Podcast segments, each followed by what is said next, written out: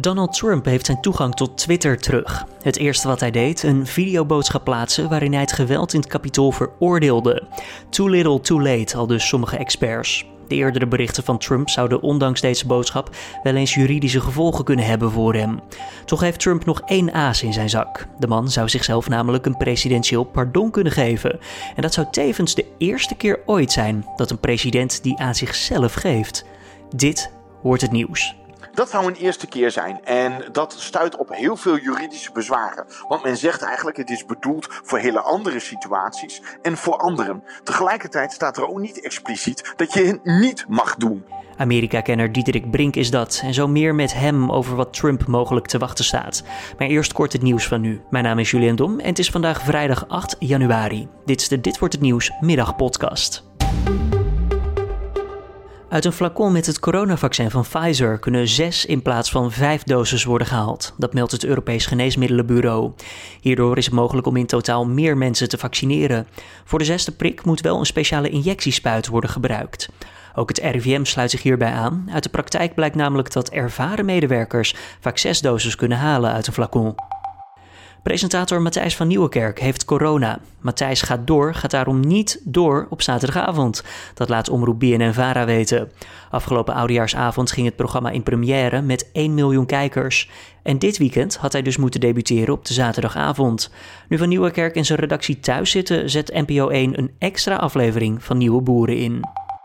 De manier waarop achtste groepers les krijgen verschilt sterk per school. In Amsterdam ging stadszender AT5 langs bij leerlingen die thuis zaten en vroegen of zij dachten dat het hen beter af zou gaan als ze op school onderwijs zouden krijgen. Ja, dan zouden die toetsen sowieso doorgaan. Um, en ja, dan zou ik misschien makkelijker op HAVO kunnen komen. Maar misschien nu ook nog steeds, maar ik weet niet zeker. Scholen zijn in principe gewoon gesloten door de coronamaatregelen, maar er is een uitzondering. Zo mogen scholen de deuren wel openen voor kwetsbare leerlingen.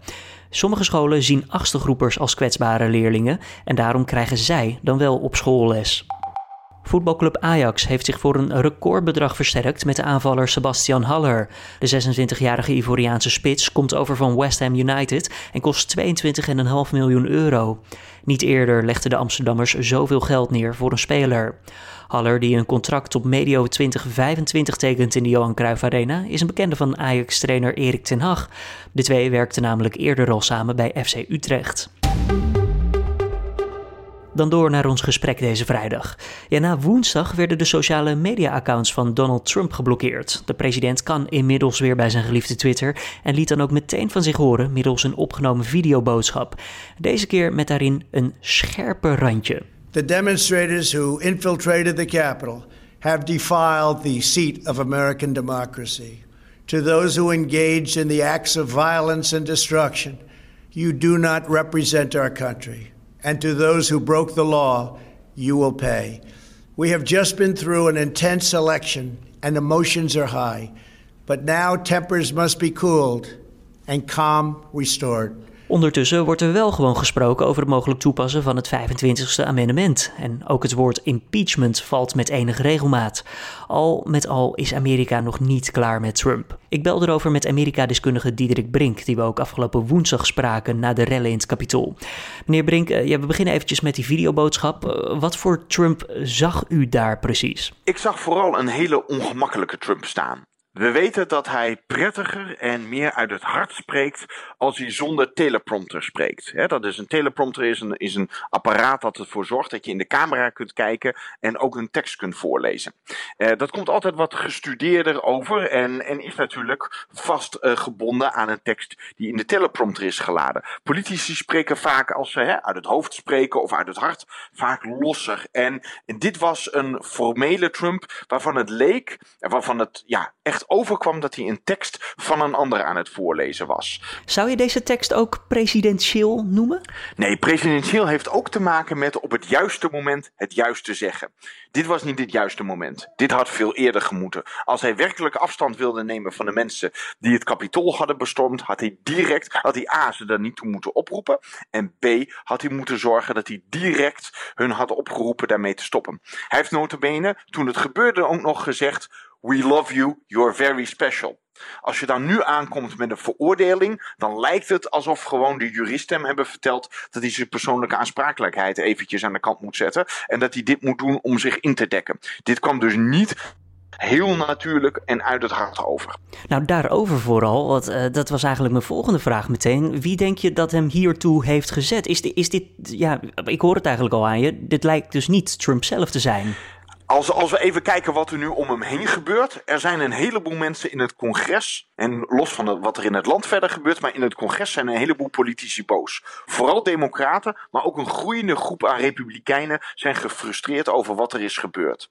Daarnaast een tweetal ministers hebben hun ontslag ingediend. En er zijn ook verder in zijn regering en in zijn Witte Huis mensen die hun ontslagpapieren hebben ingediend. Uh, het is natuurlijk opmerkelijk dat dat nu gebeurt, na vier jaar. Zeker voor de mensen die al zo lang bij hem zijn. En dit is een signaal dat ze absoluut niet willen worden geassocieerd met deze chaotische einddagen van zijn eerste termijn.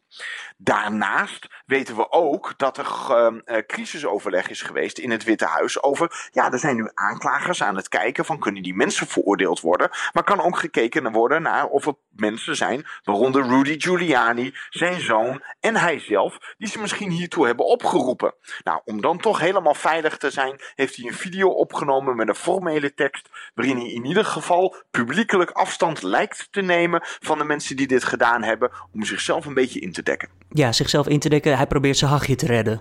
Nou ja, hij, hij moet er nu natuurlijk aan denken uh, uh, wat zijn nalatenschap is. Maar tegelijkertijd wil hij ook voorkomen dat dit hem nog meer problemen gaat opleveren. Alleen het is heel moeilijk te rijmen. Een formele uh, tekst, hè, de, de, duidelijk, hier hebben communicatieadviseurs naar gekeken, advocaten.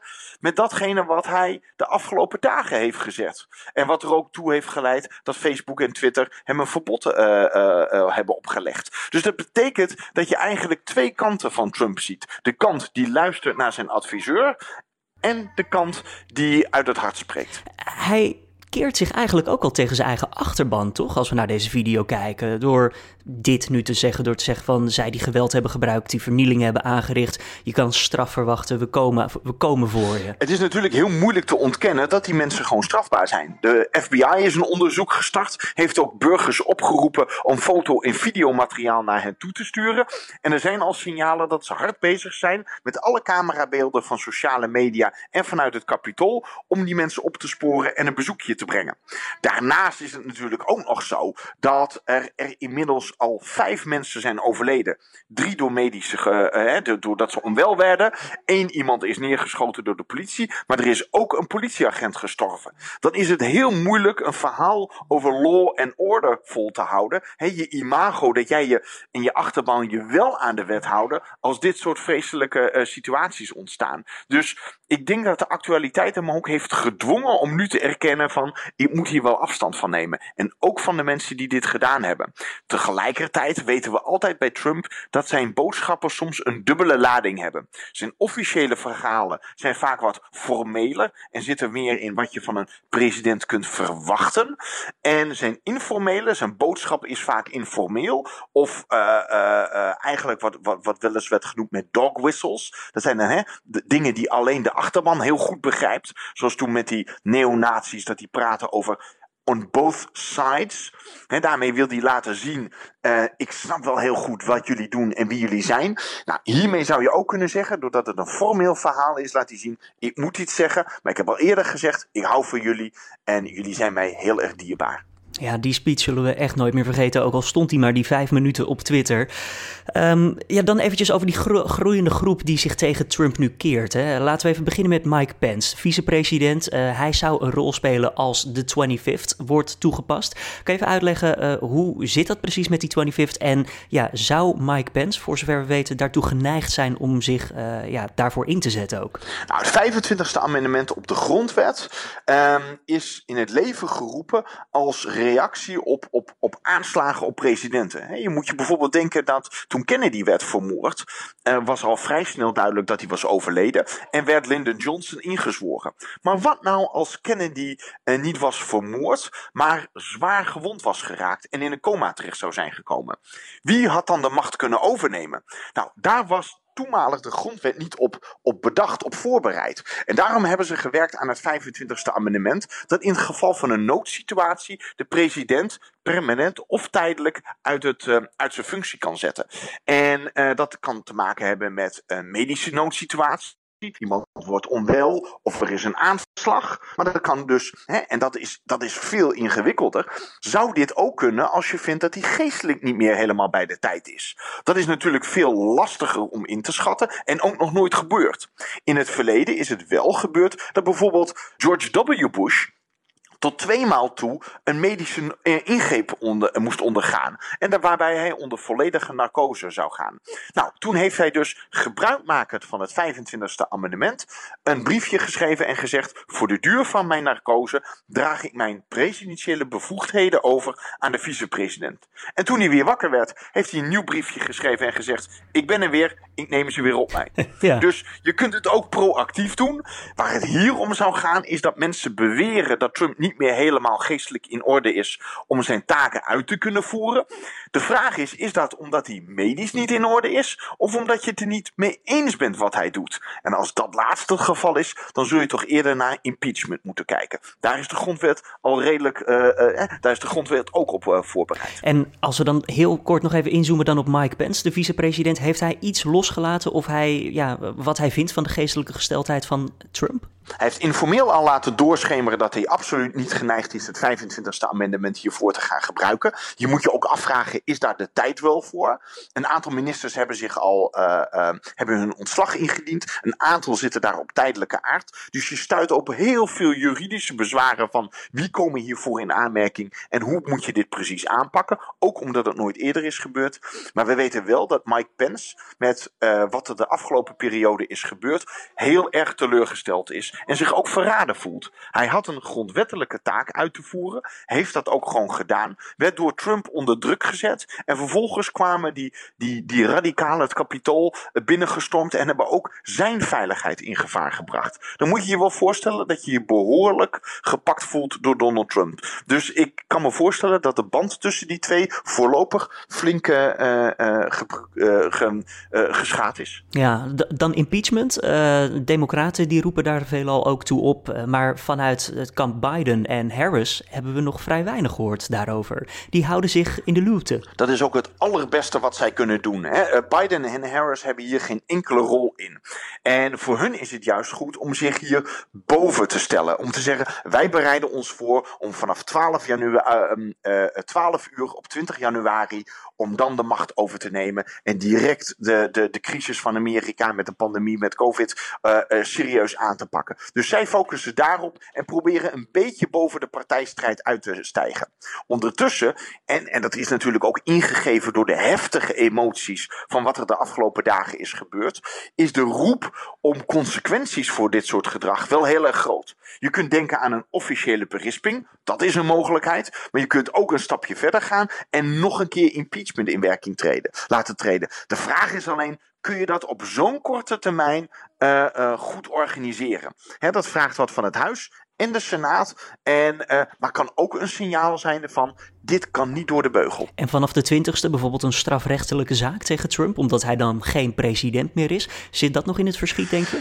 Dat zijn hele lastige juridische vraagstukken. Hè? Kun je een president veroordelen over datgene wat hij heeft gedaan terwijl hij um, uh, in het ambt zat? Daarnaast is ook nog de vraag: gaat hij zichzelf een presidentieel pardon verlenen?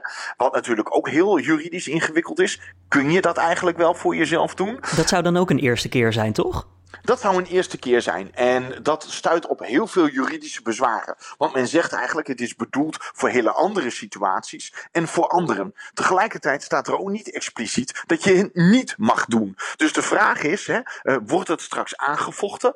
En uh, is dit de nieuwe norm? Want dat zou kunnen betekenen dat een president die in de problemen komt, zichzelf direct een pardon kan ver verlenen en er vervolgens weer mee verder kan gaan. Ja, dat is, dat is misschien een uitzondering die de, die de opstellers van de grondwet niet hebben bedacht.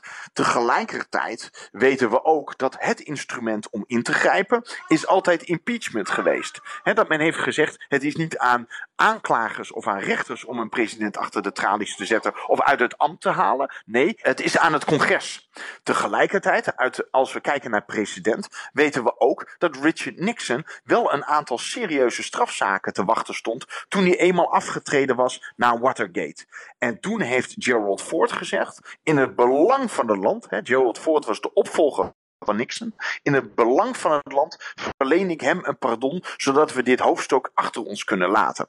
Dat was voor hem bedoeld om te zorgen dat het land voorbij Watergate zou kunnen komen. Maar tegelijkertijd heeft het ook een heleboel mensen boos gemaakt en hem populariteit gekost. Omdat men zeiden van ja wacht nou, als hij gewoon schuldig is, dan moet hij ook net als iedere andere Amerikaan daarvoor zich voor de rechter verantwoorden. En het is wel heel erg gek dat dat het recht ontnomen is. Dus dat er verschillende kanten zijn, dat weten we wel zeker. De grote vraag is nu, wat gaat de minister van Justitie in het kabinet van Biden doen? Gaat hij een speciale aanklager aanstellen? Gaat hij zeggen: we gaan serieus kijken naar wat Trump en zijn medewerkers en familieleden allemaal hebben gedaan? Hè? Er ligt ook nog dat Rusland-onderzoek. En tegelijkertijd kun je je ook afvragen van. Uh, verleng je daarmee niet de partijstrijd en het drama van de afgelopen periode? En is het niet ook belangrijk om de pagina om te slaan en te zeggen: we gaan nu verder? Andere mensen zeggen: ja, maar als je dat doet, laat je ook zien dat je ermee weg kunt komen. En dat is een veel groter gevaar, ook voor de toekomst. Nou, ondanks dat zijn presidentschap dus bijna ten einde komt, lijkt het nieuwsstroom wat betreft Trump nog niet ten einde te komen. Ik wil je hartstikke bedanken voor je tijd en toelichting. Diederik Brink, Amerika-kenner. Graag gedaan. En we zullen nog heel veel van Trump horen. Dan nog eventjes het weerbericht van Weerplaza. In Zuid-Limburg valt er nog wat regen of sneeuw, maar de neerslag die trekt naar langzaam naar België weg. Vanuit het noorden breekt af en toe de zon ook nog door en de temperatuur die loopt uiteen van 0 graden tot 5 graden aan zee. Komende nacht klaart het op en zal het op veel plaatsen ook nog eventjes vriezen aan de grond. Pas dus op voor gladheid mocht je de weg op moeten. En dit was dan weer de Dit Wordt Het Nieuws podcast, deze keer van vrijdagmiddag 8 januari. Tips of feedback zijn altijd welkom, laat het weten via podcast.nu.nl. En mocht je nou denken, hé hey, het is vrijdag, ik had hier toch de openbare redactievergadering verwacht. Nou, die komt eens in de maand terug en wel de laatste vrijdag van de maand. Daarin bespreken we ja, wat we bij nu.nl doen, waarom we dat doen en hoe we dat gedaan hebben. Dus mocht je daarvoor vragen hebben, laat het ook eventjes weten via podcast.nu.nl. Ik wens je voor nu een fijne dag, een goed weekend. En maandag zijn we er weer. Dan is mijn collega Carne van der Brinker om 6 uur ochtends met de Dit Wordt Het Nieuws podcast.